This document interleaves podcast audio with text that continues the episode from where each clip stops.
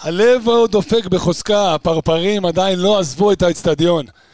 החזקנו פחות בכדור, עם אקסי נמוך משל היריבה, אבל המון, המון, המון נשמה. חברים, פרק מספר 311 יוצא לדרך. פתיח בקצרה, ומתחילים.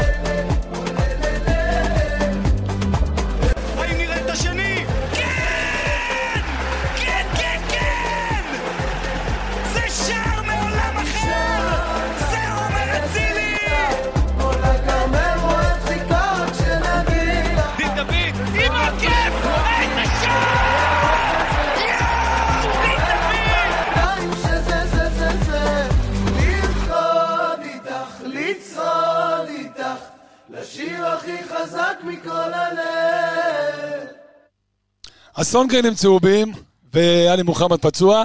גם קבסה ועמיגה לא כאן, כמו שאתם בטח כבר הצלחתם לזהות. פצועים, לא מדובר, פצועים. לא יודע אם צהובים, פצועים, לא יודע מה קרה שם, אבל הם לא פה. מי שכן פה, מי שכן פה, אתה כבר חשפת חצי ממי שפה. אז קודם כל, אם כבר חשפת ואם כבר התפרצת לדלת חצי פתוחה, ערב טוב לך, זיו מלאצ'י. אהלן, מה קורה? אחי, אנחנו על דופק 200 פה, אי אפשר, אין פה, מה זה להתפרץ? פה ולא מחום, אחי. מה לעזאזל? היה פה, אנחנו תכף נבין מה היה פה, קבסה לא פה, יניב רונן פה איתכם על הכיסא החם, ומימיני, בפינה, איזה פינה כזאת או אחרת, פינה כחולה. הפינה הכחולה, אלכס, מילוש, שלום לך. אהלן, מה המצב? אה, מעולם? אתה כזה לשאול מה המצב. מה המצב? מה המצב? אה, מעולם לא יותר טוב, בעיקר היום. אתה צודק. שמע, אה, בוא רגע נדבר על מה שהיה פה עוד לפני הסיבוב המהיר. אני רוצה מכם על דופק מהיר, כמה מילים כל אחד על המשחק, בקטנה, אתה יודע, משהו כזה, משהו עולה לך בראש. דבר ראשון, אלכס. אה, זה ניצחונות של אופי, זה ניצחונות של עונה. זה ניצחונות שאתה מחשבן אותם לקראת סוף העונה. זה אותו ניצחון היסטורי באשדוד, אגב, על אותה אשדוד, באשדוד ה-3-0. זה הדבר הזה אה, בעשרה שחקנים. אלה ניצחונות שאתה מסתכל עליהם בסוף העונה, ואתה אומר שהכל זה, הכל זה נבנה לאיזושהי מטרה גדולה יותר. סוג של איזה תסריט שמישהו כתב אותו. נכון? ככה זה נראה. מלאצ'י, דבר אליי. רציתי להגיד דבר דומה, אבל... אוקיי, הרסתי לך? לא, אז עכשיו אין לי, אני לא אוקיי. יודע, אבל... כן, אני מסכים, זה... שמע, אתה ראית את זה מהבית. כן. זה לא מרגיש במאצטדיון, אבל איך זה נראה מהצד? זאת אומרת, על המסך. שמת לב, כתבתי לכם בקבוצה, אני על דופק 200, ואני יושב בבית. כאילו, אני על דופק 200, כן. אני בטירוף. כאילו, לא, לא, לא זוכר מתי המשחק הזה. מלא סלונים, מלא סלונים בבתים של אנשים בארץ הרגישו כמו סמי אופן. ואני מתחבר למה שאלכס אמר. אופי אופי, אופי, אני תכף הולך אה, לדבר על כמה דברים שם ברביעייה המרכזית שלנו וכל מיני דברים כאלה של כמה אופי, פשוט אופי. אופי. אז יהיו לנו מספרים ויהיו לנו רצועות ויהיו לנו אה, מלא מלא מלא דברים לדבר עליהם. לפני זה בוא נסובב. אלכס, סובב אותי בקטנה. אז אה, קודם כל, קשה מאוד במשחקים כאלה לבוא ולצאת טקטיקה, כי בסופו של דבר הטקטיקה שלך פחות נזרקה לפח בדקה השביעית. ו... אבל הגיעה אחת אחרת חדשה. כן, הגיעה אחת אחרת, אבל אני, אני, אתן, אני אתן קרדיט למי שלא נמצא פה. עמיגה לא נמצא פה, אבל הוא, לפני שהוא הלך מהיציע, הוא זרק לי, לא באמת שיחקנו בעשרה שחקנים היום. וואו, משפט מדהים, אהבתי מאוד, כי זה לא הרגיש. שמע, אני חייב להתחיל לדבר היום לפני אלכס, כל דבר אני רוצה, כן. יש לי כאילו בולט על כל דבר שהוא אומר. עכשיו אתה זה עובר אליך. זה לא שלי, זה של עמיגה ואני אתן לו את הזכות ואת הקרדיט, אבל אמר לי, מכבי חיפה לא שיחקה בעשרה שחקנים, הקהל נכנס בדיוק למשבצת שדילן שחרר. ונתן את כל התחת הזה. אז רגע, אני מתעקש, אני מתעקש. אתה סובבת עבור עמיגה, עכשיו סובב עבור עצמך? מבחינתי, אה, מבחינתי קשה מאוד לבחור פה את מצטיין המשחק, כי בסופו של דבר אצילי סיים עם שני שערים. אה, אבו פאני סיים עם הלב על הדשא. נכון. אבל עדיין, אני חושב שהמצטיינים של המשחק זה ג'וש וסק. אני חושב שקשה מאוד לחלוק על המאמץ. תשמע, סק היה היום בטירוף. לא רק הפעולות, לא רק ההצלות, לא רק הנגיחות. אתה ראית את כל שפת הגוף שלו, כל, ה, כל הדרייב המטורף הזה, כאילו, ה, כאילו לקחו לו את החבר, כאילו לקחו לו את החבר. זה לא כאילו, זה לקחו לו את החבר. לקחו לו את החבר, ומשהו בו נדלק למוד של התקפה, והיה מדהים לראות את זה מהדשא. כן, אה, מלאצ'י. לא הפעם האחרונה היום שאתה אחרי אלכס, אני מבטיח, אני מבטיח, אני מבטיח. פעם האחרונה שאתה אחרי אלכס, סובב לי. תשמע, אה, בסדר, אני מסכים עם מה שהוא אמר על סק, אה, וגם על הקהל, אבל... אני חשבתי שאתה... לא, אני חשבתי... אלכס, גמרת. כן, גמרת אותו. הבן אדם בא לפה, אחי, בדופק גבוה, עושה נסיעה, רץ לפה, הולך לשם, ואתה כל דבר לוקח לי. לא, אבל מה שאני חשבתי שהוא הולך לקחת את הסיפור הזה של אה, עשרה שחקנים מכיוון אחר, אז אוקיי. אני אתחבר לזה מכיוון אחר. אני אגע בזה אחר כך כל מה שצריך להגיד על המשחק, גם לפני הרצועות, אבל אה, לא היינו בעשרה שחקנים, כי במחצית השנייה, כן, זה כן התבטא, במחצית הראשונה, היה לנו יתרון מספרי במקומות מסוימים, אה, וזה הדהים אותי. והיה שם אה, רביעייה באמצע שרצה, אה, סבא, שרי, אצילי ופאני, של טירוף כזה, ולטירוף הזה נכנס גם פיירו. עזוב את כל הכדורים שזרקו עליו, אבל כאילו, לא היינו בעשרה שחקנים כי הם רצו בשביל 11. וזה... ש... שנייה לפני שנפזר בסיבוב הזה, בגדול, אתה אוהב את הדבר הזה של השש ושתי שמיניות סלש עשיריות, איך אמרת פרק קודם, זה לא שמונה, זה לא עשר, זה שרי וסבא. אבל בסוף אבל על הדשא זה שמונה ועשר, אתה אוהב את זה? אז עכשיו זה לא מרגיש לך מופקר קצת? אז, אז אוקיי, אז בוא נתחיל כבר מסודר. תראה. אז רגע, רק תן לי לסובב בקטנה, אוקיי, ואז זה נכון. חוזר אליך, אני מבטיח לך שהיום אתה לפני אלכס בכל. אני לפני אלכס, אבל עכשיו אתה שואל אותי שאלה ועובר אליך. לא, רק לסובב בקטנה, אני סובב בקטנה. שים לי עוול היום. אני לא אגע לך בחומר, אל תדאג, אל תדאג, אני אומר לך משהו אחר לגמרי, אתה לא תיגע בזה, כי זה לא מספרים, זה נשמה. אני, ידוע שאני האנליסט מתוך הדשא, מתוך היציאה על הכיסא, ותשמע, עידוד, כמו שהיה היום, ברוב שלבי המשחק, ובמיוחד במחצית הראשונה, אני לא זוכר כזה דבר, אלכס. ואתה יודע, וחווינו פה השנה את פריז ואת יובה, אתה יודע, אולי בגול השני של אצילי מול יובה. ההר געש הזה שהתפרץ היום, המחצית הראשונה, בצפוני, ואתה יודע, ממנו הלאה, זה משהו ש... וואו. תשמע, אתה יודע, מה, ש, מה שאני מאוד אהבתי היום במשחק, זה בערך מדקה 70, הברומטר, העמד לחץ, יוסי פרץ הרים מרגיש את הקהל טיפה נרדם, רעש. אתה יודע, אתה יודע, זהו לא, פה. אבל אתה יודע, התזמונים, התזמונים, הוא כאילו רואה מין כאילו ירידה קטנה בפעימות של הלב פתאום, רעש, ואז כל הקהל מתעורר. תשמע, זה, זה... אתה אומר שיוסי פרץ הרי הוא קוף ירוק? אני אומר ש... אני אומר שכולנו פחות או יותר. נכון. אני רק אומר ש... אתה יודע, שנים מכבי חיפה לא הצליחה לתעל את סמי עופר לכדי באמת הדבר הזה שנקרא המגרש הביתי. להפך, זה פגע בנו, היינו יותר לחוצים במגרש שלנו. ועם ההתפתחות ועם השנים האחרונות, וגם כמובן עם ההצלחות, מכבי חיפה יודעת לתעל את המגרש.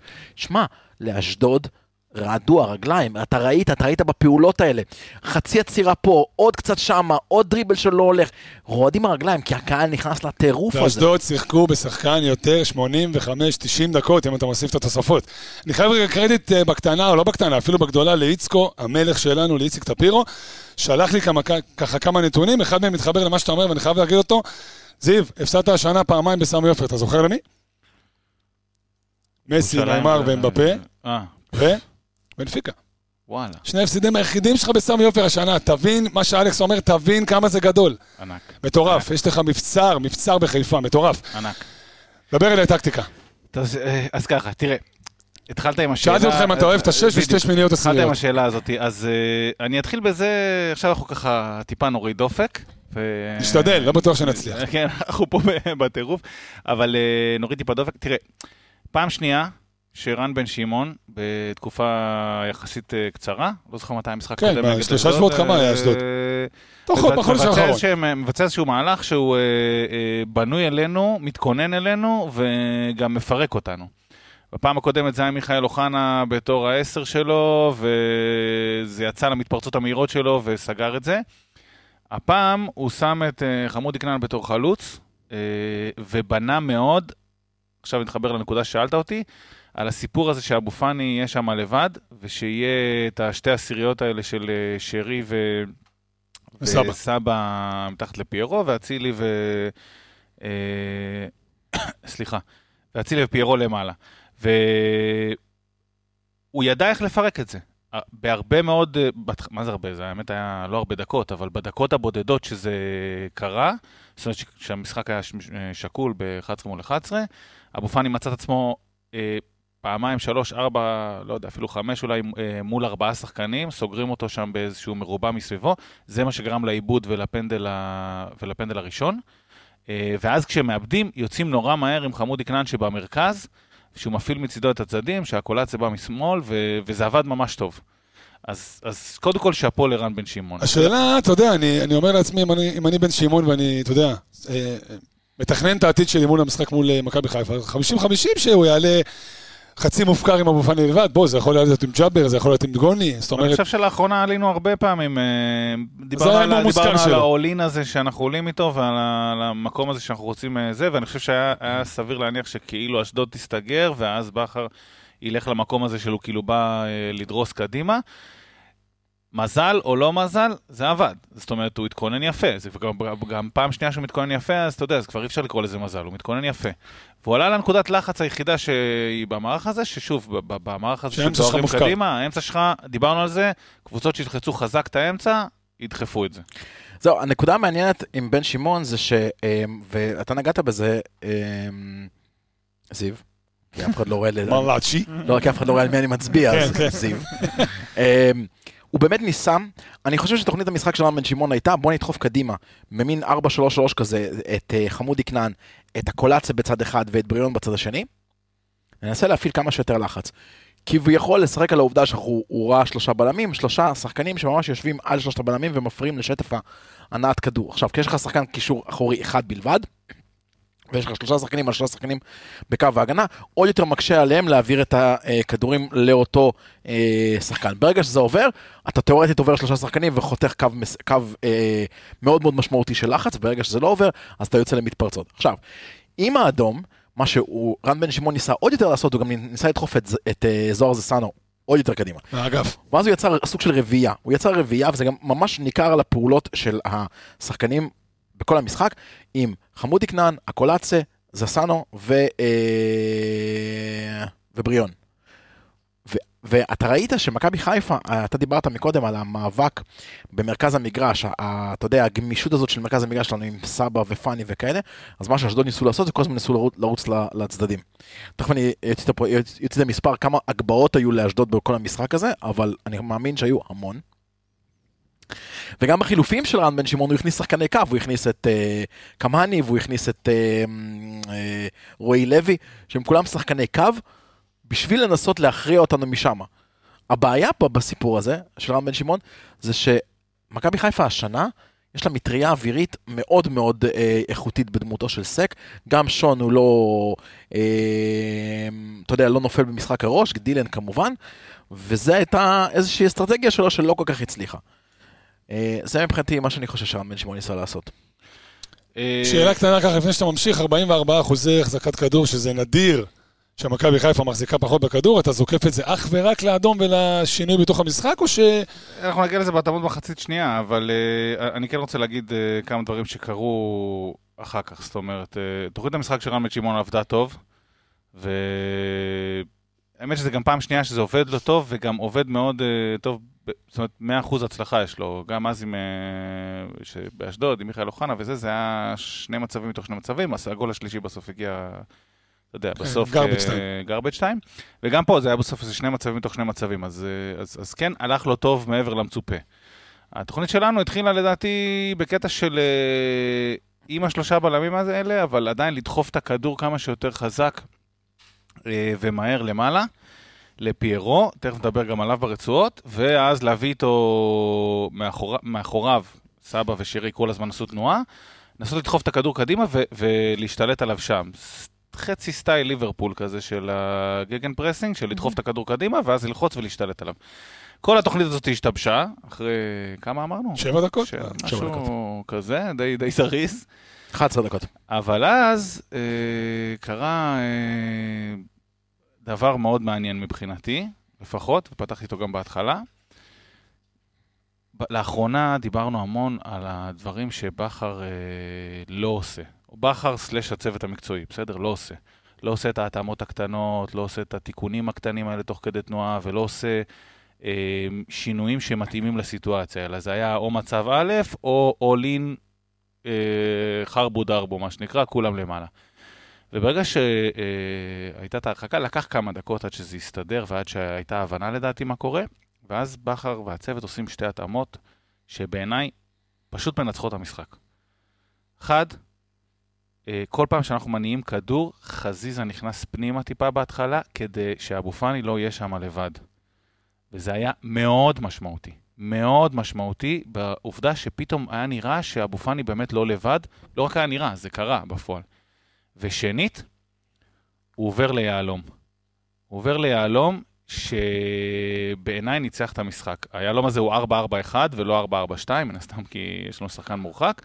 אנחנו נשארים עם קו רביעייה, היהלום אצילי בימין, אה, פאני אחורי, סבא שמאלי ושרי הקדמי, כן. ומעליו פיירו. והיהלום הזה מחומר של יהלום אמיתי. יהלום אמיתי יש לו שתי תכונות, אחד הוא קשוח בטירוף. לא ניתן לפיצוח. לא ניתן לפיצוח. ארבעתם רצו כמו משוגעים, משוגעים. פשוט משוגעים, לא היו נותנים לפיצוח. ושנית, התכונה שלו, של יהלום, אתה יודע, לטובת אנשים, הוא נוצץ. כן. וה... והנוצץ הזה היה הרביעייה הזאת בשיאה.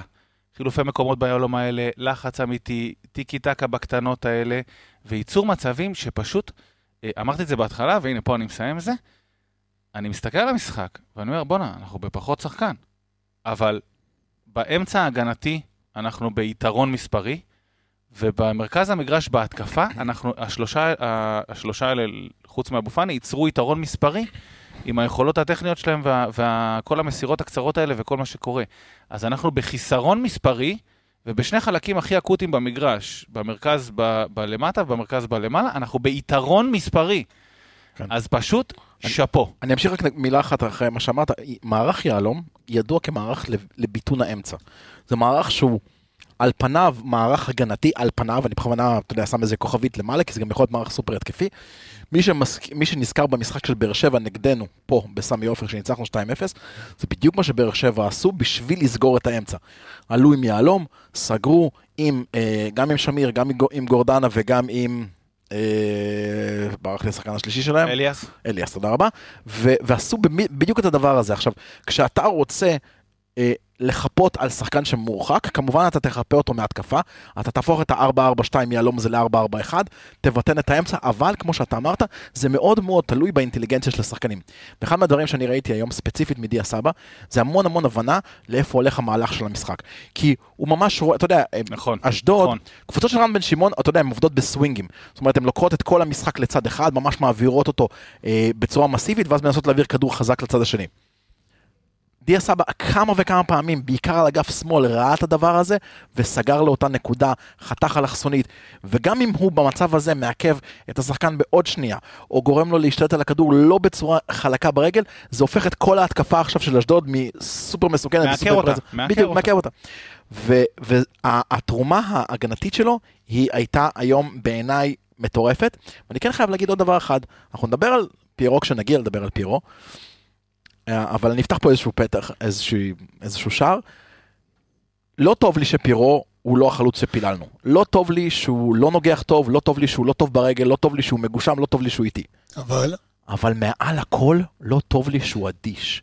ואנחנו ראינו אותו במשחקים פשוט אדיש. עכשיו תשמע, יש לפעמים לנסות לקחת את המשחק בידיים שלך. אני רק אומר, זה תרם המון, כי, כי שוב, גם אם אנחנו מדברים לעכב את ההתקפה, עוד קצת מאבק, עוד פיזיות, ראינו אותו סוחט כמה דברים, סוחט כמה מהלכים, אה, וזה גם היה אה, פרמטר מאוד מאוד רלוונטי. אז אני שנייה קוטע אותך, כי אנחנו חייבים להתחיל לרצע, כן, כן, חייבים להתחיל לרצע.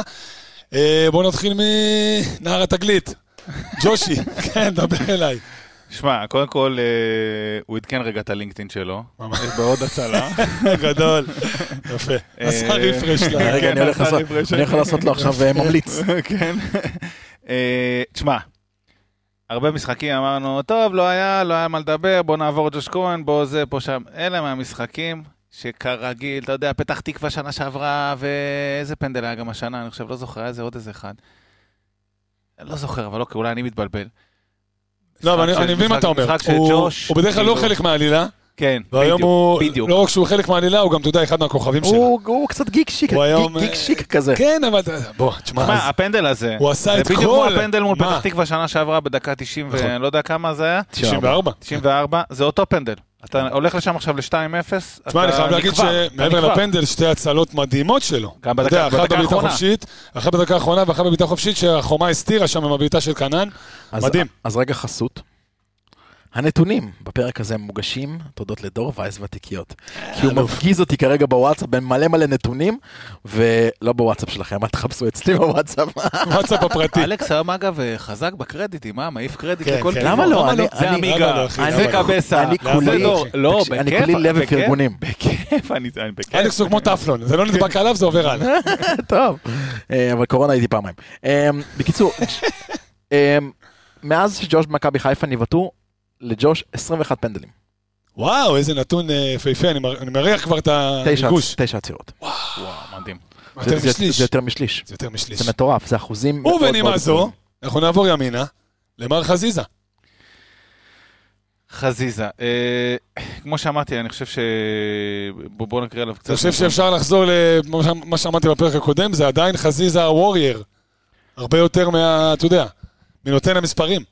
חושב שחזיזה היום אה, קודם כל הבין את הסיטואציה. אה, אלכס דיבר על, אה, על חוכמה והבנת הסיטואציה של סבא, שיש לי עוד דוגמה אליה. אגב, אלכס, רק כדי להשלים את מה שרצית לומר, בבקשה.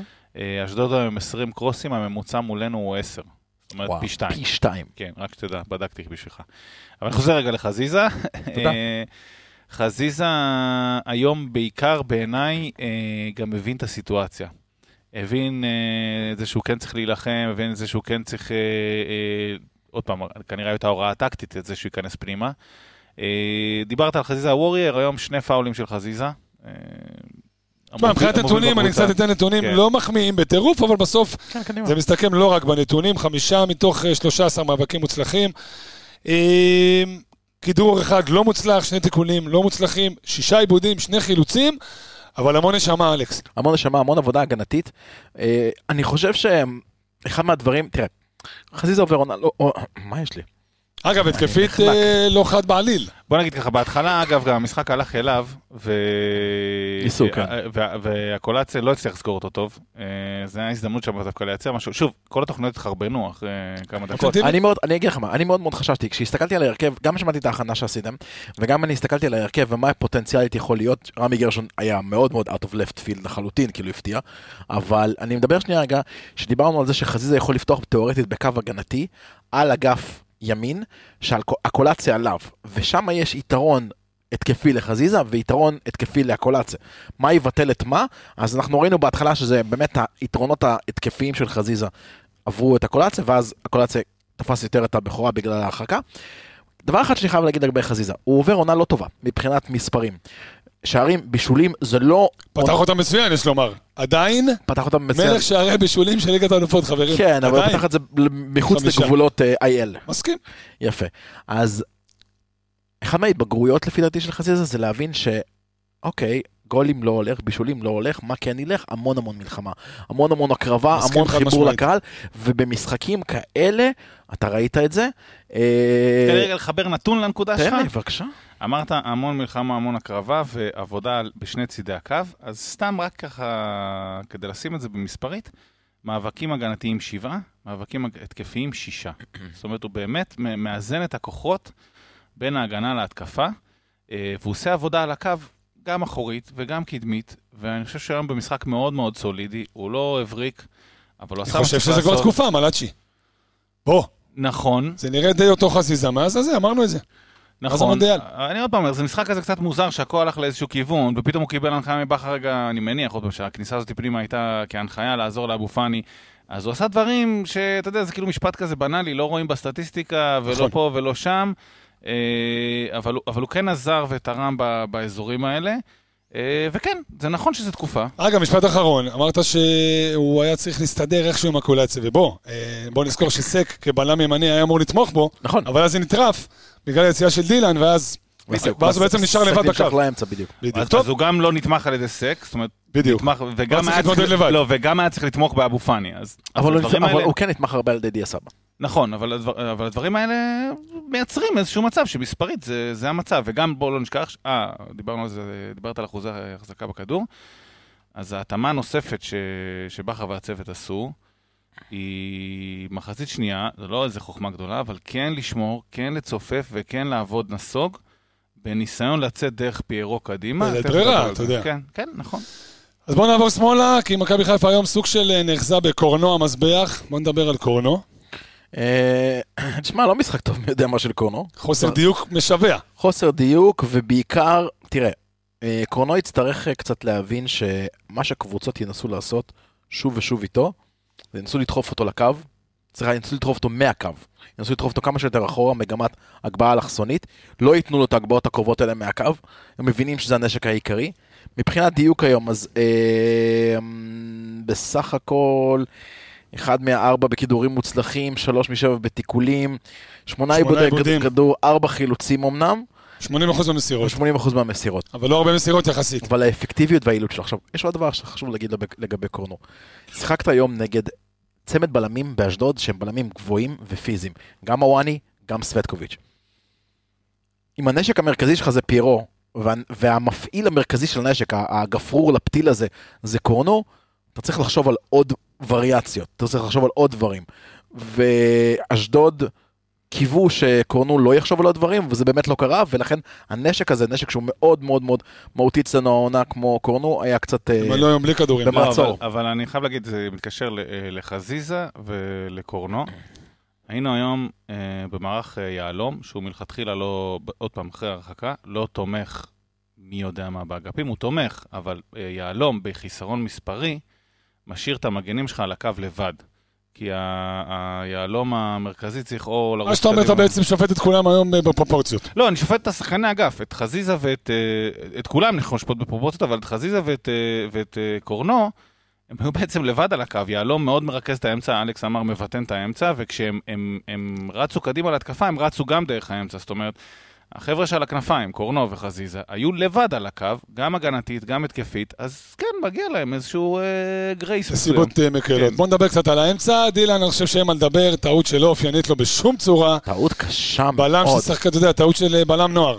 משהו לתפוס אותו ביד בצורה כזאת אגרסיבית, לא, גם זה שהוא איבד אותו. חייב להגיד את האמת, אה, דילן, גם במשחק הקודם מול אשדוד היה לו איזה... איזה... נו, אבל לא ככה, מלאצ'י. איזה ברטוז כזה. וכאילו מדי פעם יש לו כאלה. אה, זאת אולי קצת יותר אגרסיבית מהשאר, והוא בדרך כלל בלם הרבה יותר סולידי ויציב, אבל אה, מדי פעם יש לו איזה בריחה. בוא נעבור ממנו ל... אה, רמי גרשון. רמי גרשון. רמי גרשון. רמי גרשון באמת אחד... אמרת, אמרת שהפתיע. מפתיע מאוד. ממש. רמי גרשון מבחינת משחק כמעט נטול טעויות. אחד מאחד תיקולים מוצלחים, שמונה חילוצי כדור, שני בקבוצה.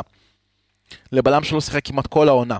שני בקבוצה במשחק כזה. ומקבל אדום על הראש, דקה שביעית, כן. זאת אומרת, הכל מתחרבן לך, כן? כן?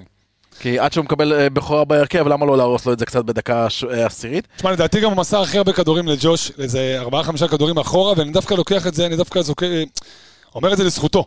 כי במקום להסתבך, במקום לעשות, ואז לאבד, ואז תגיד למה ולמה ולמה, אז הוא הלך על הבטוח, כי בוא, כמו שאמרת, בלי דקות משחק, בלי זה, הביטחון לא בשמיים, כן, אבל בלי דקות משחק, בהתאם. נכון, אבל בלי דקות משחק מצד שני, ראית שהקבוצה כן סומכת עליו, כי הוא השלישי בקבוצה מבחינת מסירות שהתקבלו. אה, שלישי רק לפיירו ולאבו פאני, שאבו פאני באמת היה אמור להניע את כל הדבר הזה מאחורה, הוא שלישי בקבלת המסירות, זאת אומרת, כן הקבוצה נתנה לו את הדברים. Uh, היו לו כמה, קצת חוסר תקשורת עם ג'וש, אבל בסך הכל, בסך הכל רמי גרשון באמת עשה את מה שאני מניח שהרבה אנשים ממנו. כשהם קיבלו את, ה, את ההרכב כן. ברשתות אמרו what the fuck, אבל יצאו רגועים. מסכים לגמרי, אה, מילה על אה, גרשון השנה, עבור? כן, 64 פעולות, השלישי בקבוצה, כמו שאלכס אמר, מבחינת גם מסירות מבחינת כמות.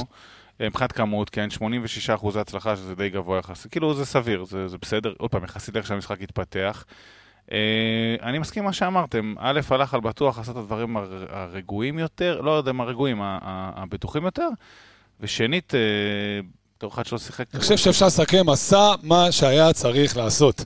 בדיוק. בוא נעבור לארס של המגרש, לבעל הבית, וחד משמעית לרקדן הכי טוב בקבוצה. אני אפילו מרשה לעצמי לפתוח פה את הדיבור, כי יש לנו פה את אה, נכון. סנגורו וקטגורו של אה, אבדולאי סק. הוא לא צריך סנגור, כן, בוא, הוא כבר צריך יחצן. יחצן. וואו, אחי, ממש, הבאת אותה בול. הוא עברנו מהסנגור למצב שהוא כבר... הבאת אותה בול, אחי, עוד שניה מתחיל לעשות בר מצוות וחתונות. הוא כבר עובר במה מרכזית בטומארולנד. דבר איתי על סק, חביבי, איזה כיף לדבר על סק, דבר איתי על סק. איזה עוגן, איזה...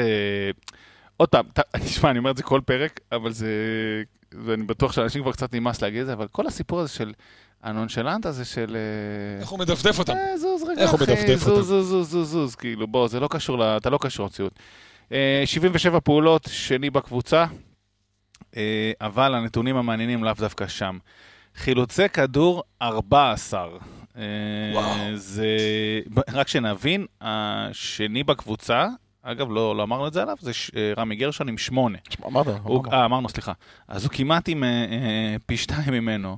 אה, מאבקים הגנתיים, 14 אה, גם, 14 אה, מאבקים הגנתיים. 14. 14, סליחה. שלושה מחמישה תיקולים. מאבקי אוויר, שבעה, שישה מוצלחים. עירותי כדור, שזה גם פרמטר מעניין, כי המשחק הלך הרבה פעמים לכל מיני מקומות שהיה צריך לתפוס את הכדור בדרך, ולאו דווקא במאבקים. 16. הבא בתור בקבוצה עם תשעה אחריו. הנתונים שלו הם פשוט פנומנליים, והוא... אמרת על חזיזה, זה כבר לא... זה, זה תקופה. זה כבר תקופה ארוכה בעל אצל הבית. סק, שהוא בעל הבית בהגנה. בעל הבית. אני חושב, ש... אני חושב שהקהל, כיף, קל לקהל שלנו להתחבר לשחקן כמו סק. כי אם יש משהו שכל קהל, לא משנה באיזה צבע, באיזה מדינה, אם יש משהו שכל קהל מתחבר אליו, זה עבודה קשה. אתה יכול להיות לא מבריק, אתה יכול להיות לא הכי נקי בטיפול שלך בכדור, אם אתה עובד, הקהל יתחבר אליך. אני חייב להגיד שהוא גם וגם. נכון. ברוב המקרים. נכון, אבל קל מאוד להתחבר אליו, כי גם כשהוא התחיל, והוא לא היה מי יודע מה מבריק, וכולנו הסתכלנו, כל הפוקוס היה על דילן ופחות עליו, הוא עדיין עבד מאוד מאוד מאוד קשה. באופן כללי, בשביל, בשביל סגה גם, אני מזכיר לכולם, זה מין עונת חזרה ל, ל, לבמה המרכזית, הוא גם עכשיו זומן לנבחרת אה, קמרון? לא. לא, לא קמרון, אה, לא. לא. נבחרת של... לדעתי אה, סנגל? סנגל. סנגל. של... אה, ההוא. או מסנגל. מסנגל, סעדיה מאנה.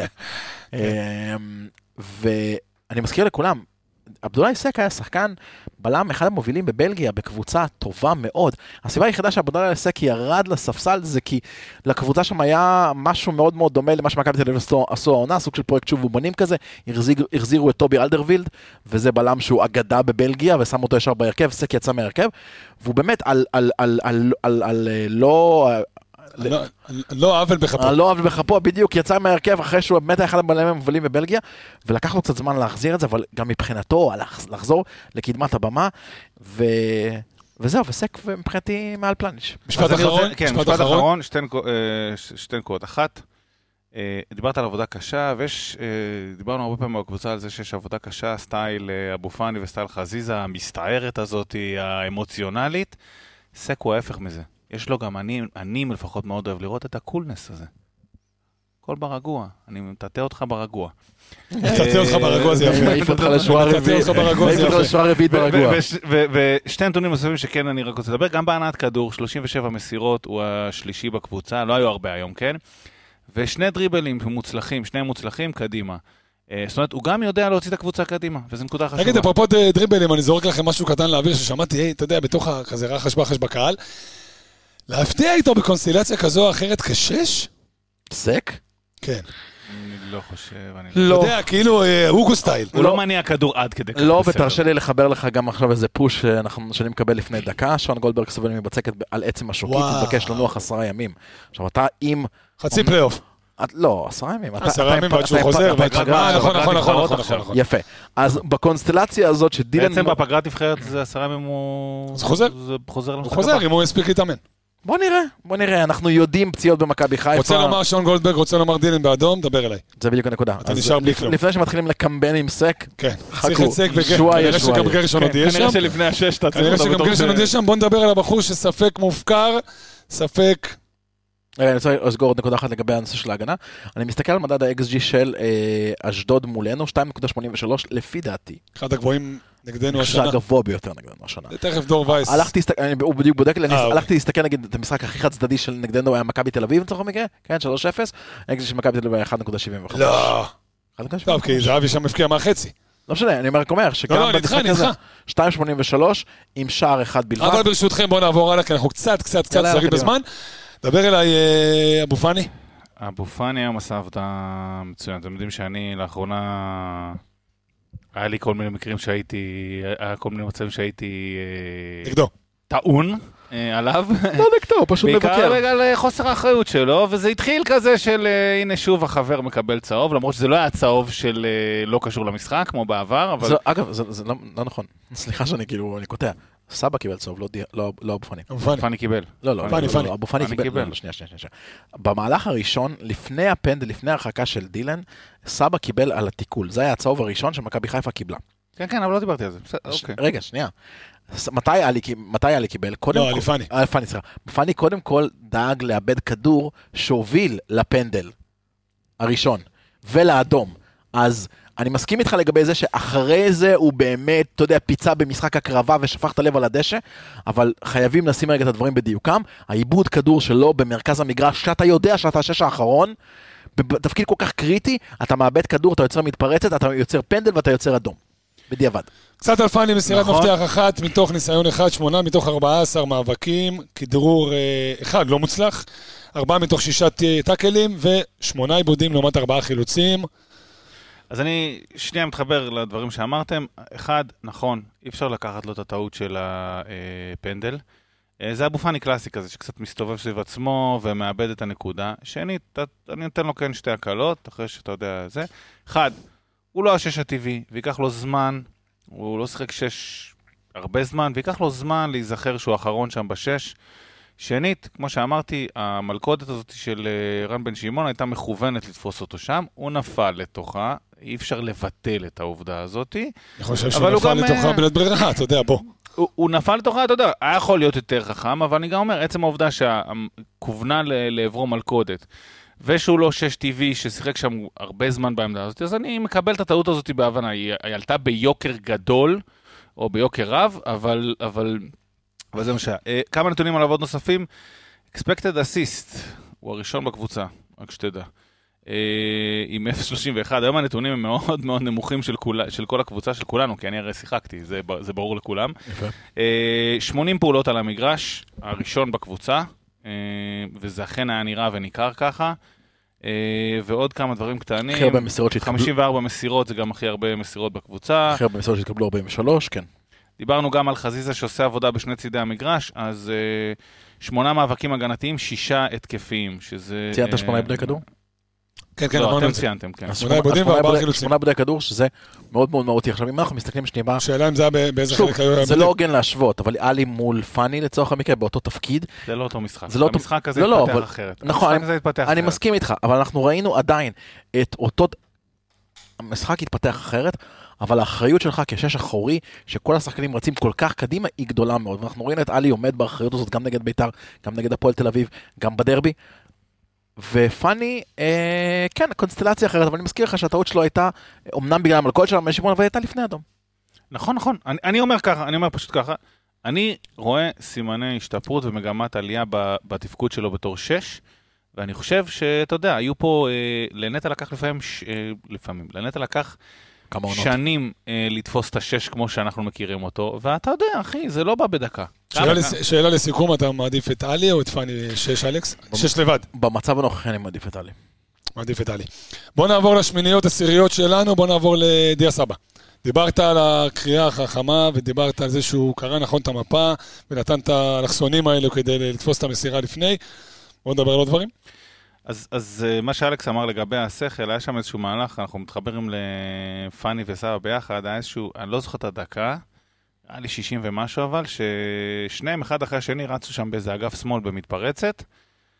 פאני, אה, במתפרצת שאתה יודע, אתה בחיסרון מספרי ואתה יודע שיהיה קשה, פאני ניסה לראות איזה חץ כזה לאצילי שלא בדיוק עבד, כן. וזה חוסר הבנה של הסיטואציה. ואילו סבא, ממש סיטואציה כמעט אה, זהה, אה, הוריד רגע קצב, הוריד שנייה הילוך, הבין ששחק מהר פה לא ילך טוב, והריץ איזשהו. כדור לחזיזה לזה, ונתן את המהלך טיפה יותר, ואני חושב, אה, היותר איטי והיותר בטוח, שהוא הרבה יותר נכון בסיטואציה הזאת, ואני חושב שאני מתחבר לדברים של אלכס, זה כאילו מבטא את כל המשחק שלו. הוא, הוא הבין אותו, הבין את המשחק, הבין באיזה סיטואציה של המשחק הוא נמצא, והבין באיזה סוג משחק הוא. ומעבר לזה, אה, עוד פעם, אני, אני אחזור על זה עם כל השלישייה הבאה תכף, הוא שרי ואצילי. טירוף, טירוף, טירוף במחצית הראשונה. כן. הם היו בכל מקום, החליפו מקומות ביניהם, רצו לאיפה שצריך בהגנה, ואני אני אומר כאילו הם, אבל זה, כי אנחנו ברצועה על סבא, אבל זה נכון לגבי שלושתם. ושאפו.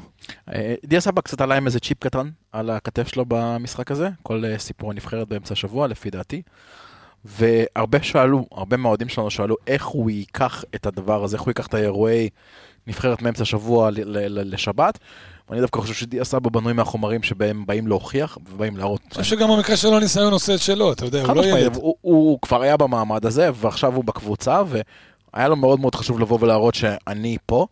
אמ, אבל, שוב, בוא נגיד ככה, לפי דעתי ב-95% מהמקרים אנחנו תמיד נשפוט את דיה סבא על מהירות מחשבה, על התקפיות, על מסירות חכמות, על הגבהות. במשחק הזה אנחנו שופטים אותו דווקא להפך, דווקא על ההקרבה, דווקא על הבנת המשחק שלו, בפן היותר קישור הגנתי בוא נקרא לו ככה, אבל התרומה שלו למשחק היום היא, היא, היא אדירה. היא מגמה אחת מתחת להיסק אה, וג'וש בעיניי. ממש מתחבר למה שאמרת, רגע, סתכל מספרים, שכחתי, עשיתי לו קצת עוול, אגב, כאילו שהתחלתי עם הבנת משחק, בוא נסתכל רגע מספרים. מאבקים הגנתיים, קודם כל, מאבקים בכלל, 16, אה, זה שלישי בקבוצה. מאבקים הגנתיים, 13 מתוך ה-16, זה שני אחרי סק. בוא רק בשביל הפרופורציה, הבא בתור אחריהם הוא עם 8. אה, רמי גרשון. אה, לא, אה, לא? אבו פאני. אבו פאני. כאילו סק, אה, דיה סבא. תיקולים, 8. ראשון בקבוצה. כן. אדון uh, סבא. אז, אז, אז כאילו התחלנו עם ההבנת משחק וההבנה של הסיטואציה, בוא רגע, הוא שם את הגוף גם. הוא שם את הגוף עם כל מה שצריך, וזה לא גרם לו לוותר על התרומה הקבועה שלו בחיים, שזה... זה מסירת מפתח אחת. אחת מוצלחת. אחת מוצלחת. שלושה נכון. ניסיונות, אחת מוצלחת. אגב, אתה יודע, שם את הגוף, היה, ממש לפני שאשדוד רצו לפנדל שלהם, היה מהלך שהוא, הכדור טיפה ברח לו, ואז הוא נשכב על הדשא, ממש זרק את הרגל בשביל שהכדור יגיע לאבו פאני, אבו פאני הרים את הקשתית לחזיזה, וחזיזה ניסה ליישר לרחבה, השוער קלט את זה, אבל קודם כל מהלך שהיה מאוד מאוד מסוכן ויכל לשנות את כל המהלך של המשחק, במהלך אחד. אבל באמת, לתת את התחת הזה, כמו שאנחנו אוהבים לקרוא לזה ב, ביציע, אה, לדיה סבא יש בזה בכמויות. אה, נעבור ל... שרון? שרון. אז שרי, תשמע, קודם כל, הוא היה מאוד מאוד יעיל היום, זז בצורה... בטירוף. בטירוף. כל הזמן חיפש את הנקודות. עכשיו, תשמע, כשאתה בחיסרון מספרי כל כך קשה למצוא. אה, שרי הוא מומחה בפרצות, כשאתה בחיסרון מספרי אין יותר, והוא זז כל הזמן, וימינה ושמאלה, והיה שם בשביל לקבל את הכדורים. אמ, הוא היה מאוד מאוד חסר במשחק הקודם נגד הפועל תל אביב, שבעיניי זה היה משחק שתפור עליו, וגם המשחק הזה, כשאתה בלחץ ואתה מחפש את השחקן שיקבל את הכדור בין הקווים, שרי היה אה, מדהים. אתה רוצה לעבור על הנתונים שלו רגע? אני רוצה לחזק את מה שאתה אומר, תשמע, יש לו ארבעה מארבעה כדרורים מוצלחים, יש לו עיבוד כדור אחד, שזה לא אופייני לו, הוא בדרך כלל יותר מפוזר, כמו שאמרת, הוא היה מאוד יעיל, מאוד מדויק, יחסית קיבל מעט מסירות, כמעט 80% הצלחה במסירות, 19 מתוך 25, אה, קיבל 22 מסירות. כן, כמו שאמרת, פח, היה קצת פחות מעורב אולי, אבל כשהוא היה מעורב הוא היה מאוד מדויק. עשה כמה דברים מאוד מאוד חכמים. קודם כל, אה, תכף נגיע לפיירו, אבל היו ים כדורים ארוכים לפיירו, וכל פעם שהיה כדור ארוך לפיירו... בוא לקחת סקנד בול. בדיוק, שרי פשוט התחבא מאחוריו. זה, זה לא הצליח בסופו של יום, לא הצליח כי פיירו לא מספיק מדויק, אנחנו נדבר על זה. כן. זה המעשה, המהלך הזה הוא המהלך הנכון. זה שהוא לא הצליח, זה, זה בסדר, אבל זה המהלך הנכון. אה, תשמע, אין ספק שהדבר הכי בולט אצל שרי זה מהירות מחשבה, כן? כן. אתה יודע, הוא יודע איפה להיות, הוא יודע לאן לשלוח את הכדור. ואגב, אה, דיברנו על סבא, במובנים מסוימים הם כאלה, אתה יודע, אה, חצי תאומים כאלה, הם תמיד, יש להם איזה התנהגות שלו. גם שרי, כל מה שאמרתי על סבא תקף גם עליו, עם איזושהי הטעיה קטנה, אבל להבין את הסיטואציה, להבין באיזה משחק אתה, להבין עם מי אתה משחק. אה, אתה יודע, לפני שנים עשיתי איזה סרטון על אה, שרי שמתחלפים לידו חלוצים. אה, זה היה ניקיטה ושואה באותו זמן. היחיד בכל הקבוצה שתוך שנייה הבין את הסיטואציה, זה היה... זה, זה היה, כן, זה היה שרי, שכל חלוץ שנכנס, כל סיטואציה שמשתנה, הוא, הוא פשוט מתאים את עצמו לסיטואציה הזאת. אז אין לו הרבה נתונים הגנתיים, אבל אני רשמתי לעצמי, אני זוכר בנקודות, שהוא פשוט עשה עבודה הגנתית יוצאת מן הכלל גם הוא. כל הזמן רץ על השחקן שאמור לקבל מסירה ולא קיבל, והוא כיסה שטחים ועשה את הדברים האלה. כן. אה, אגב, שמונה מעשרה מאבקים. נכון. אני רק אגיד עוד דבר אחד לשירי, אני מקווה שלא קטעתי אותך. אני רק אגיד עוד דבר אחד לשירי, זה שהוא, וכתבתי את זה תוך כדי המשחק, שהוא ממש זיהה את הצדדים שאפשר היה להעמיס את הקווים. כלומר, ב-20 דקות, 25 דקות של הטירוף הזה, בין הפנדל הראשון להחמצה של הפנדל השני לשתי הפנדלים שלנו, שהכל היה בבית באטרף לא נורמלי, הוא כל הזמן זיהה איפה אפשר להעמיס מהקווים. כי הוא ידע שאשדוד ינסו לסגור את האמצע, הוא ידע שאשדוד ינסו לסגור חזק את פירו, את אצילי. אז הוא כל הזמן ניסה לחפש בקווים איפה הוא יכול להעמיס, איפה הוא יכול לבוא לעזור לסבא, איפה הוא יכול לבוא לעזור לחזיזה. Uh, האינטליגנציה של שרי היא מטורפת, וחייב להגיד ששרי גם סיים עם ה-XG השני הכי גבוה בקבוצה, עם 0.23, אחרי אצילי, אבל uh, לא חוכמה. אצילי זה פנדלים, כן, זה לא... אמרתי, לא חוכמה. אז בוא נדבר על אצילי. אז אצילי, יש לי... אצילי מתחבר לו. אז יש לי פה, יש לי פה נתון. יש לי פה נתון. אתה חושב, אחי? שער אה, שישי. בשלושה משחקים. עולה לו, עולה לו. נכון. שלושה, אחד ושתיים. שתיים היום, אחד מול הפועל תל אביב. שישה שערים בשלושה משחקים. אז אצילי, אה, לא נותן לזה סוג של מתחבר. אה, סוג של מתחבר לו. כן. אז המתחבר זה... זה fiber, זה סיב אופטי. תשמע, אצילי השנה, 27 משחקים בליגה. 18 שערים, 9 בישולים. ב-2213 דקות. מעורב בשער או בישול בליגה כל 82 דקות. הכי גבוה בפער. עכשיו, אתם זוכרים שאנחנו מאוד מאוד התלהבנו מחתואל, שבאמת, בגלל שהוא שיחק מעט מאוד וכבש יחסית הרבה, אז הוא הוביל. אז חתואל לאחרונה ירד, הוא עומד באזור ה-94 אה, דקות פר תרומה, ואצילי עם 82. שאצילי עם הרבה יותר דקות עושה את זה בפחות. עכשיו, עוד דבר אחד, אה, מבחינת משחקים שהשנה לא ניצחנו אותם. אה, לא ניצחנו, כלומר הפסד או תיקו, אצילי לא כבש בהם ואצילי לא בישל בהם. כשאצילי כובש ו... או מבשל, מכבי חיפה מנצחת, תמיד זה הביא לי דור. באף משחק שלא ניצחנו, הוא לא כבש או בישל? כותב לי דור במשחקים שלא ניצחנו בליגה, לא כבש או בישל, זה אומר מתי שכבש בישל, ניצחנו. וואו, זה נתון פסיכי. כן. אז בוא נדבר גם על קורנו. שממשיך את הרצף ואת המסורת. ויש לי עוד, עוד דבר אחד קטן. רגע, קורנו. רגע, יש דבר אחד. משחק מספר 20 לדעתי, mm. שמתוכם ניצחת 19. נכון. נכון, איציק אמר לפני... בפרק הקודם... זה הולך ונהיה פסיכי, לא, זה היה לפני שבועיים, זה היה 17-18, תשמע, פסיכי. נכון. ועוד דבר אחד, אצילי עם 23 פנדלים במכבי חיפה. עם 20 מוצלחים. וואו. שזה נתונים קצת של גל הראל. זה כאילו, אה, כן, אתה יודע, לא, זה כאילו... סלח לי שאני מזכיר את גל הראל בפרק הזה. לא, לא, בהקשר הזה זה בסדר. זה כאילו הג'וש ההופכי, אתה יודע. כאילו, ממש. ג'וש... 20, 23 פנדלים. תשמעו, בעט היום פעמיים לאותה פינה עם כל כך הרבה ביטחון. מה זה? מדהים. אין לשוער לא סיכוי לקחת שנייה. ראית מראש שהוא נועץ את זה. כן, אני חושב שמה שאמרת הוא נכון, כאילו... אה, כן, הוא חלש מנטלית, אבל שם על המשבצת הזאת של הפנדל הוא קר רוח בטירוף. כאילו, אני לא יודע אם הוא חלש, לפעמים קל לערער...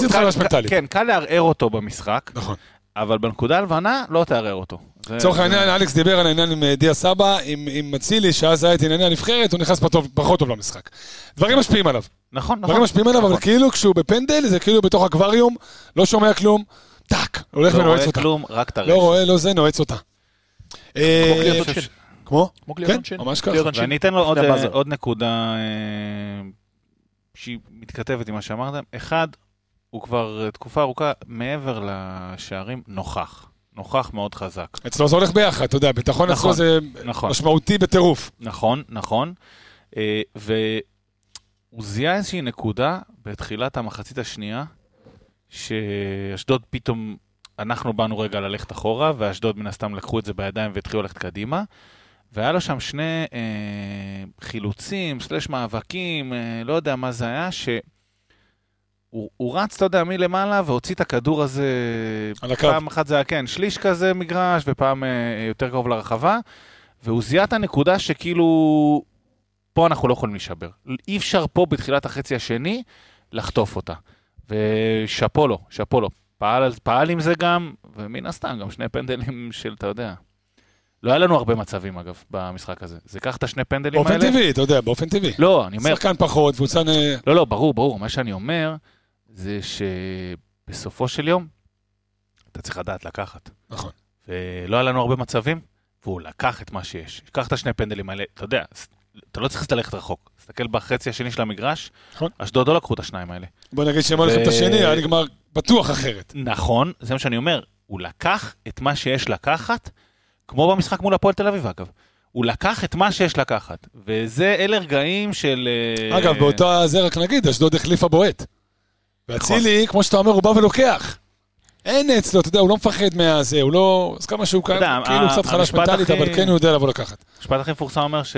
לא מחליפים? גם, לא, לא זה. גם כשנותנים לך, צריך לדעת לקחת. נכון. והוא ידע לקחת. חד משמעית.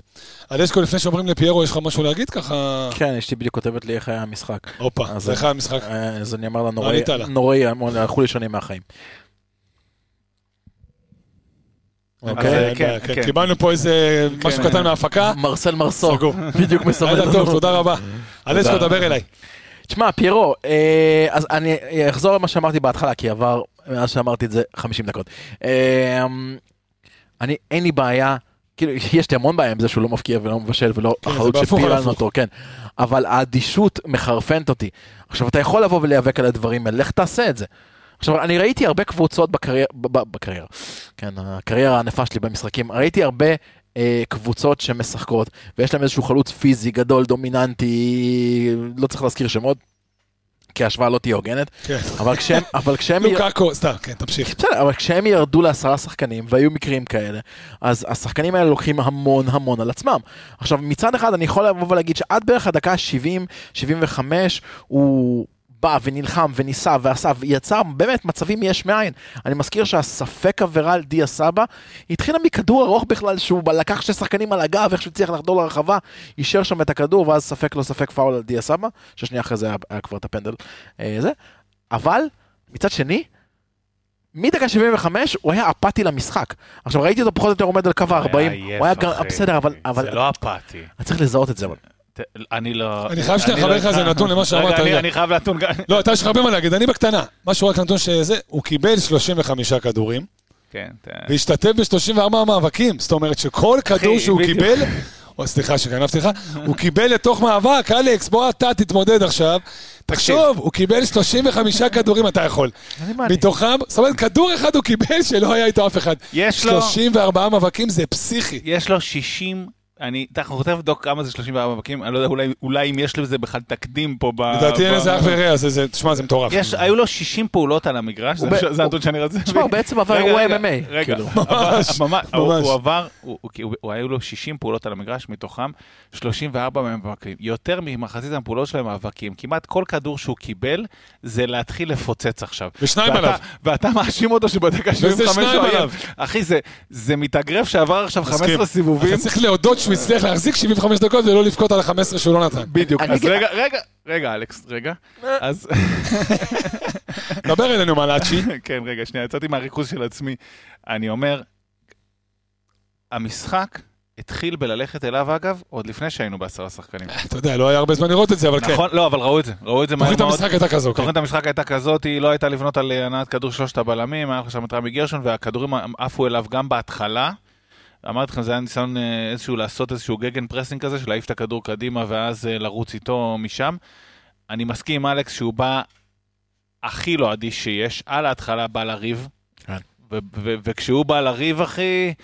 אז אה, אבל, לא כדאי חייב להגיד על זה משהו. אבל אתה יודע, זה תפור עליו. כי בסופו של דבר, כשאתה מתמודד עם בלמים, אתה יודע, תן לי, תן לי איזה בלם של באר שבע, שהוא אבו עביד כזה, או מה, כשאתה מתמודד עם בלמים כאלה הרבה יותר קשה, כשיש לך את האתגר הפיזי, כשיש לך מולך סווטקוביץ', שיש לך מולך טימו אה, אוואני, אתה רוצה, אתה רוצה, אתה יודע, זה סוג הבלמים שפגש נגד אולימפיאקוס פחות או יותר. אה, אין לך ברירה, אין לך כן, ברירה. שיש לך את המאבק הזה, שזה משהו, מאבק מאוד מאוד בריא. תשמע, יש פה נתון מאוד מעניין. בריא למי? מי יוצא בצד הבריא של המאבק הזה? תקשיב לנתון הבא, 34 מאבקים, מעורב בסך הכל בשלוש עבירות. עשה שתיים, קיבל אחת. אז או שהשופטים לא סופרים אותו, לא. לא, הוא לא עשה עבירות. או שהכדור, לא, עזוב שלא עשה, לא קיבל, לא אה. סחט, סחט אחת. 34 מאבקים, תחשוב. אני חושב, אני חושב... או שהכדור בורח מהר מדי. לענות ל... אני חושב שהשופטים אחרי אה, תקופה מסוימת בליגה וביקורת עליהם, נתנו לו משחק. זאת אומרת, אה, גם הוא הפציץ קצת, היה לו מקומות שהוא הפציץ ולא שרקו לו על זה. לזכותם ייאמר. הנה, כמו שזה, של- שלוש עבירות. בסוף מכל הבלאגן הזה, שלוש עבירות. וגם עליו לא שרקו, נתנו לו לרוץ עם זה ולשחק עם זה, אז אולי דווקא אני רואה את זה לטובה, שכאילו נותנים לו... לא היו פה איזה עבירות למדו בוטות שאפשר עליו. לשחק גם איתו, למרות שהוא בדיוק, לא- ג'יינט כזה. לא זוכר שהיה עליו איזה עבירות בוטות שלא שרקו, אולי אחת, אתה יודע, בסדר, זה זניח, אבל בגדול, נתנו לו לשחק היום, כן. שזה אולי גם הכניס אגב, אותו תגיד ל- פיזית, הוא קטן יותר או גדול יותר מדוב פנדה? אפרופו! אה, יפה. עכשיו, אתה יודע, לא לא רק זה, הוא כל כך עייף, שעכשיו הוא מגיע הביתה ושם את הראש על מזרון של פנדה. וכרית אחי, מחר הוא קם חדש. מחר הוא קם חדש, תמשיך, כן. אני לא בטוח לגביך, אבל אתה לא רוצה כאילו להגיד כמה אחוזי הנחה וכאלה, קוד, זהו, אין לי פה את עמיגה, אבל אתה רוצה לעזור לי? 17 אחוז. 17 אחוזים. כן, קוד? קופון. עם ה... אה, לא. Y-A-R-O-K. K 17. יפה, אוקיי. יפה. 17 זה זנדברג. מי היום 17? יש לנו 17? אין לנו 17. מיכאל זנדברג, מיכאל טוואטחה. זנדברג, לדעתי אחרי זנדברג היה 17. טוואטחה. וזהו, לא לדעתי. זוכר שהפרישו את מספר 17. לדעתי, לא, לא. הפרישו, זה זה לא נמצא בהיכל התהילה של מכבי חיפה, לא. כן, דבר אליי פיירו. אה, לא, אני חושב שאנחנו- סיכמנו על פיירו, אני חושב שבאמת, אני אגיד משהו אחד, לפני שאנחנו עוברים- לחילופים. אני דיברתי לפני כמה תוכניות ואמרתי שמכבי חיפה צריכה להרוויח כמה שיותר שחקנים לקראת הפלייאוף העליון. אחרי ה slump שהיה לנו לקראת סיום העונה הסדירה, והתחלנו לעלות- לעלות איזשהו peak חזרה. הבעיה שבינתיים אתה מאבד. לא, לא, אני לא מדבר כרגע על פציעות, אני מדבר על שחקנים בתוך כושר, בתוך בתוך הטיימינג. לא, לא, אני מבין. מה אמרת, אבל אני... לא היה לי צ- לא ספק ששירי יהיה בפלייאוף. כן. זה ידענו כולנו, זה אקסיומה. אבל אצילי חזר, חזיזה מתחיל לתת את התרומה שלו. אם אנחנו, ג'אבר נותן את הדברים, שהוא- את ה- את ה- מראה את המספרים שהוא צריך, ג'וש, שרי. סק, סק זה כאילו השיא. וזה הסיכום שלי לגבי פירו. אם אנחנו נצליח לדלות מפירו עוד קצת, עוד כמה מאבקים, אולי איזה שער, אולי איזה נגיחה, הוא רוצה יותר אולי משהו. מה-34, אתה מבין? הוא אומר לו עוד כמה, והוא רוצה יותר כמה. מה-34 כן, תקשיב, אחי, אחרי זה אני- בא בטענות שבדקה 80 הוא אני- עייף. אני- שמע, אתה בלתי אפשרי אתה.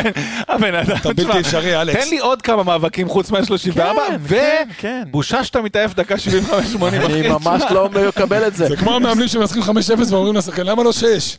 נכון, נכון, אה, נכון. אגב, לגבי אה, 2.8 זה השני הכי גבוה נגדנו אה? העונה. מי הראשון? אה, הפועל באר שבע במשחק שהם אה, אה, הפסידו. המשחק. שהם היו צריכים לנצח. הפסידו, הם הפסידו ב... כמה ההבדל? משחקים. 3.4 הם או, הביאו, וואו. שזה הרבה. ביי, לא? וואו. לא, 3.14. זה סוג של פנדל, זה פנדל הבדל, אבל... כן. אה, אני אני בודק לך את הנתונים מהיום על אקסל, לא. אני חושב שבאמת... אה, סק, אה, סליחה, איך הגעתי לסק? פיירו. הם דומים. כן, פיירו. למה, דומים. בין שניהם? טוב שלא אמרת לברון. דבר איתי לברון. דבר איתי לברון ג'יימס, אחי. במקום להיות חברים ולהוציא לא, אותי לא, לא, מהטעות לא. הזאת לא, לא, לא. ולהיות לא אחים. אמיתיים? אתם ישר, אחי, מושכים אותי לתוך הקבר. אה, אז אני אומר שגם המשחק הזה, אה, אחרי שהוא עם האדום הזה, זה משחק שהוא תפור על פיירו, ואיך שהוא בא היום, הוא בא חם, וכן, הוא היה יכול לתת את הבעיטה הזאת פנימה. אה, אי אפשר להתווכח עם זה שזה צ'יפ נקודה קטן. שח- שחסרה. קצת אבל אה, לו. כאילו, קצת, קצת, די. קצת צ'יפ- קצת נמאס צ'יפ להגיד שהוא קטן היה צריך. גמרת את המשחק. כן, כאילו, אה, בסוף בשביל זה הוא פה, אתה יודע. בוא, צ'יפ, צ'יפ הוא לא ייתן. כאילו, אלכס, אלכס, אלכס עזוב לו כל- לארץ. אלכס גם לא כן. ריאלי איתו בכל, בכל, בכל, אחי, איך הוא לא על הקפיץ את עצמו. למספרת? אני רוצה. יותר, כן, אתה יודע מה, בושה. אתה יודע, כמו בפיפ"א, נותן לעצמו כזה עם הקפצה מאחורה עם הרגליים, מסתובב, נותן מספרת. למה לא? דאבל קליק על ה-R2. לא, כן. יפה. תשמע, בגדול, בוא- בוא- בוא אז אלכס נהיה- לא ריאלי איתו, לא ריאלי איתו, אבל... בוא בוא נהיה שנייה כן ריאליים, זו שירת הברבור של אה, פיירו במכבי חיפה, כנראה שנה הבאה לא- הוא לא ילבש ירוק. אתה שואל בעצם, או שאתה שואל, או שאתה אומר, או שאתה... מה נספיק לראות ולקבל ממנו עד סוף העונה? אני אומר שקיבלת את המשחק הזה, והוא נתן לו את המשחק הזה, ואנחנו נשפוט אותו... אז הוא שם כדי. לקבל מכות ולתת לנו נקודות. או לתת מכות. או לתת מכות, האמת שהוא. נתן מכות, כן. עדיף לתת מכות. קצת על המחליפים, אה, כן, היו על הפנים. זהו. בעיקר... לא, ג'אבר, אני חושב שג'אבר היה בסדר. ג'אבר מצוין, ג'אבר, ג'אבר. קדימה. אתה יודע, ניהול, המחשבה של ג'אבר קדימה, הייתה לו התקפה אחת שהוא הוביל. אמ, זה היה בדקה, אני אגיד לך, לא דקה- קריטי. דקה 75, רשום לי, וזה דווקא הסתיים בביתה של דין דוד מעל השער, מה שהוא סגווי מושלם לדין דוד שנכנס רע מאוד. אז דין דוד, אם אני לא טועה, היה אחד משמונה מבחינת אה, מסירות, מבחינת קבלה, אני זוכר שיעקבי תוך כדי המשחק אה, כתב לנו את זה. אמ, אתה יודע מה הפריע לי בדין דוד? הפריע לי דבר אחד, אני לא חושב שדין דוד הבין את גודל המעמד. אני חושב, אני חושב שדין דוד, כשהוא נכנס, הוא לא הבין את גודל הטירוף, הוא לא הבין את גודל ההתאבדות שהייתה דרושה על הדשא, הוא היה כזה על הדשא כזה, כן, הכל בסדר, 2-1, אנחנו ב-11 שחקנים, הכל בסדר, אנחנו לוחצים אני חושב שאתה אפילו קצת מחמיא לו בזה שאתה חושב שהוא חשב יותר מדי, הוא פשוט לא היה טוב. הוא לא היה טוב, אבל... פשוט בתקופה לא טובה. הוא לא היה טוב, אבל עוד פעם, כמו שדיברנו על פירו, לפעמים לא טוב, זה בסדר, כל עוד אתה מנסה, מנסה ומתאמץ. הוא עלה, הוא עלה למשחק קצת בנונשלנט. ונונשלנט... שלא תואם את האווירה על הדשא. בדיוק, נונשלנט לא כן. מתאים. עכשיו, כן. גם, אני גם אומר לעצמי, איך אתה עולה בנונשלנט, כל הקהל, כל הטירוף הזה, הכל מסביב, איך אתה מרשה לעצמך לעלות בקטע כזה? אבל אני חייב רגע, אני חייב רגע, לפני שאתה עובר הלאה, אני חייב רגע לדבר על הנתונים של ג'אבר, כי תשמע, זה פשוט מדהים. כמעט 40 דקות, 37 דקות, 9 מסירות מתוך 9 מסירות, 100% במסירות, 5 מ-6 מאבקים. כדרור אחד מתוך שניים, ארבעה טאקלים מוצלחים, עיבוד כדור אחד ושני חילוצים ל-37 דקות, מרשים לכל הדעות. Yes. ג'אבר זה פשוט השחקן אולי, אני חושב שהוא top שלוש ברמת האהובים בקבוצה. קל מאוד לאהוב. אה, נתונים, כשהכדור לא אצלך ואתה אה, רודף אחריו, אז הנתונים האלה מקבלים... אה, כן, עוד יותר מרשימים. כן. ג'אבר נכנס מצוין, אני מסכים עם כל מה שאמרת. נשאל רגע שאלה אחרת. אני שם שנייה את ג'אבר בחוץ, שלגמרי הוא הכוכב של הספסל, כן? כי זה, המציאות היא כזו. אתה רואה מישהו מהספסל, אלכס, ואני מכניס גם את דין דוד לספסל, כי זה המצב כרגע, אתה רואה מישהו שאתה כן מצפה ממשהו, ממנו משהו בתשעה משחקים שנשארו? זאת אומרת, לקבל ממנו X factor? כן, חד משמעית. קודם כל, צ'יבוטה נמחק מהרוטציה? צ'יבוטה, כן, מרגיש שהוא... למה? אתה יודע, יש לבכר את הקטעים האלה של נכון. למחוק מהרוטציה. בן סער style. נכון. אמ, אני לא כל כך יודע למה, כי כשהוא נכנס הוא היה בטח לא גרוע. דווקא בהופעות האחרונות הוא דווקא אפילו השתפר קצת. לא, דווקא באחרונה האחרונה לדעתי הוא היה פחות טוב, אבל עדיין היה לו לפני זה כמה הופעות טובות, בטח סבירות ומעלה. בטח. אז אני חוזר לשאלה, ככה מתוך צ'יבוטה ודין דוד. צ'יבוטה, ג'אבר, דין דוד. לא, ג'אבר אני שם בצד, כי אנחנו מבינים שהוא, אתה יודע, מתאים ל-11. בסדר, אבל אתה מזגזג אז עלי פאני. ג'אבר, אחד משלושתם צריך להיות אקס פקטור, כי אחד משלושתם צריך להיות מהספסל, לפעמים גם שניים. אה, דין כמובן עם, החל... עם החילופים של פירו. אה, אמ, ותשמע, רמי גרשון. רמי גרשון נפתר. רמי גרשון נפתר. רמי גרשון, כמו שאמרת, הולך להיות פקטור בחודש הקרוב, כי נכון. יש לך את האדום ואת הפציעות, כן? נכון. אלטרנטיבה טובה. אין אחרת, מה זה, אחרת. מה זה משנה? אבל, אבל, שלי, אבל כן טובה, אבל כן טובה. סוג של הגענו לסיום, אני כן רוצה לסכם, כי בכל זאת חווינו היום משחק מיוחד. אלכס ואני חיכינו לך בחוץ, וקצת דיברנו סמולטו כזה, ואמרנו, תשמע, כאילו המעמד לא מספיק מרגש, והקבוצה היריבה לא מספיק מרגשת, אבל תשמע, אם אתה רגע תולש את זה, הופעה, משחק מטורף. משחק מטורף, עד דקה 20-30 היו ארבעה פנדלים, ו... מה לא היה שם? באיזה קבר. כבר היית בבור, בדיוק, כבר היית בבור עם העפר עליך ויצאת משם. באר שבע ניצחו, שכחת את זה, זה כאילו אתה כבר נכנס לתוך מה שהיה. נכון. באר שבע ניצחו הם בנקודה הפרש, אה, מכבי תל אביב ניצחו, בסדר. פחות, אה, כן, פחות דרמטי, אבל עדיין, באר שבע ניצחו בנקודה הפרש. אתה בפנדל אדום, אתה בפנדל שני. זה כאילו לקום מה... ממש מהבור, ממש מהבור, וזה משחק אה, מדהים, מדהים, מדהים. תשמע, אני חושב שלקחת חודש, חודש וחצי אחורה, כבר התחילו לדבר על זה שאף אחת לא ראויה לקחת, והעונה הזאת לא נראית טוב, ומי שיעשה פחות טעויות תיקח. בסופו של דבר, אלכס, מהשבועות מתקדמים, ואנחנו בדרך לאחת העונות המרתקות. אנחנו דיברנו על זה במשחק, בפרק, לא הקודם, לפני שסיכמנו את המשחק אה, של הפועל תל אביב. המשחק הזה היה כל כך כל כך קריטי. היציאה הזאת לפגרה של השבועיים, המחשבות, המחשבות שיש לך לרוץ עליהן, אה, הן מטורפות, ומכבי חיפה עמדה במשימה סופר קשה, כשהיא משחקת שלישית, אחרי שהיא ראתה את באר שבע מנצחת, ואחרי שהיא ראתה את מכבי תל אביב מנצחת, ונגד כל הסיכויים, נגד קבוצה שניצחה אותה ממש כמו שאתה ציינת לפני מספר שבועות. well done, שבועיים קצת לנוח, להחזיר את הזה, וקדימה באר שבע שיבואו לפה. אז אנחנו לא ניכנס עכשיו בעובי הקורה של באר שבע, כי אין לנו פרק על זה, רק נגיעה ככה בקטנה. איך אתה עולה מולם? מערך? זהו, אז זהו, יפה, ז, ז, זאת נקודה מאוד מאוד מעניינת. אה, אחד מהדברים שאני ככה חשבתי עליהם לאחרונה, זה שאנחנו במחזורים האחרונים, אני חושב שחמישה מחזורים האחרונים מתרגלים מערך מאוד מאוד ספציפי. מערך שמתבסס על קשר אחורי אחד בלבד, וכל הפרס הקדמי. אתה מערך... נגדם כנראה זה לא יהיה. יפה, אבל זה בדיוק הנקודה שאני רוצה להגיד, אתה מתרגל את המערך הזה כבר כל כך הרבה משחקים, ועכשיו אתה אמור לעשות סוויץ' למערך. וזה קצת מלחיץ אותי. אגב, מי לא משחק מולם? מישהו לא מולם, מישהו... פאני מול מכבי תל מי שקיבלו אביב. את הצהובים זה לשני המשחקים. כן, כן, פאני מכבי תל אביב, דילן לא משחק אוקיי, דילן, נגדם, נכון. וזהו, אם יהיו פצועים. כאילו, דילן ושון, מקווה שהוא יחזור. מה אתה אומר ככה נגיעה למערך, או איך אתה בכלל עולה מולם? אני משאיר את זה למכינים. אתה משאיר את זה למכינים, ליעקבים. פרק הכנה, בטח. ליעקבים. חברים, אני רוצה להודות לכם. נהניתי מאוד, גם במשחק, גם מהפרק. אני חייב להודות שאתם מפליאים בכל כך הרבה נתונים, כל כך מוקדם אחרי המשחק, זאת אומרת, כל כך מהר, אנחנו באים עם כל כך הרבה אינפורמציה, וזה כיף גדול. היה לי תענוג, תודה רבה אלצ'קו, תודה רבה מלאצ'י, תודה רבה לדור וייס. ותיקיות, תודה רבה לטפירו, לכל מי שתרם ב-SMS כזה או אחר. כן. תודה רבה לכולם, לילה טוב, וניפגש אחרי הפגרה. לילה טוב חברים.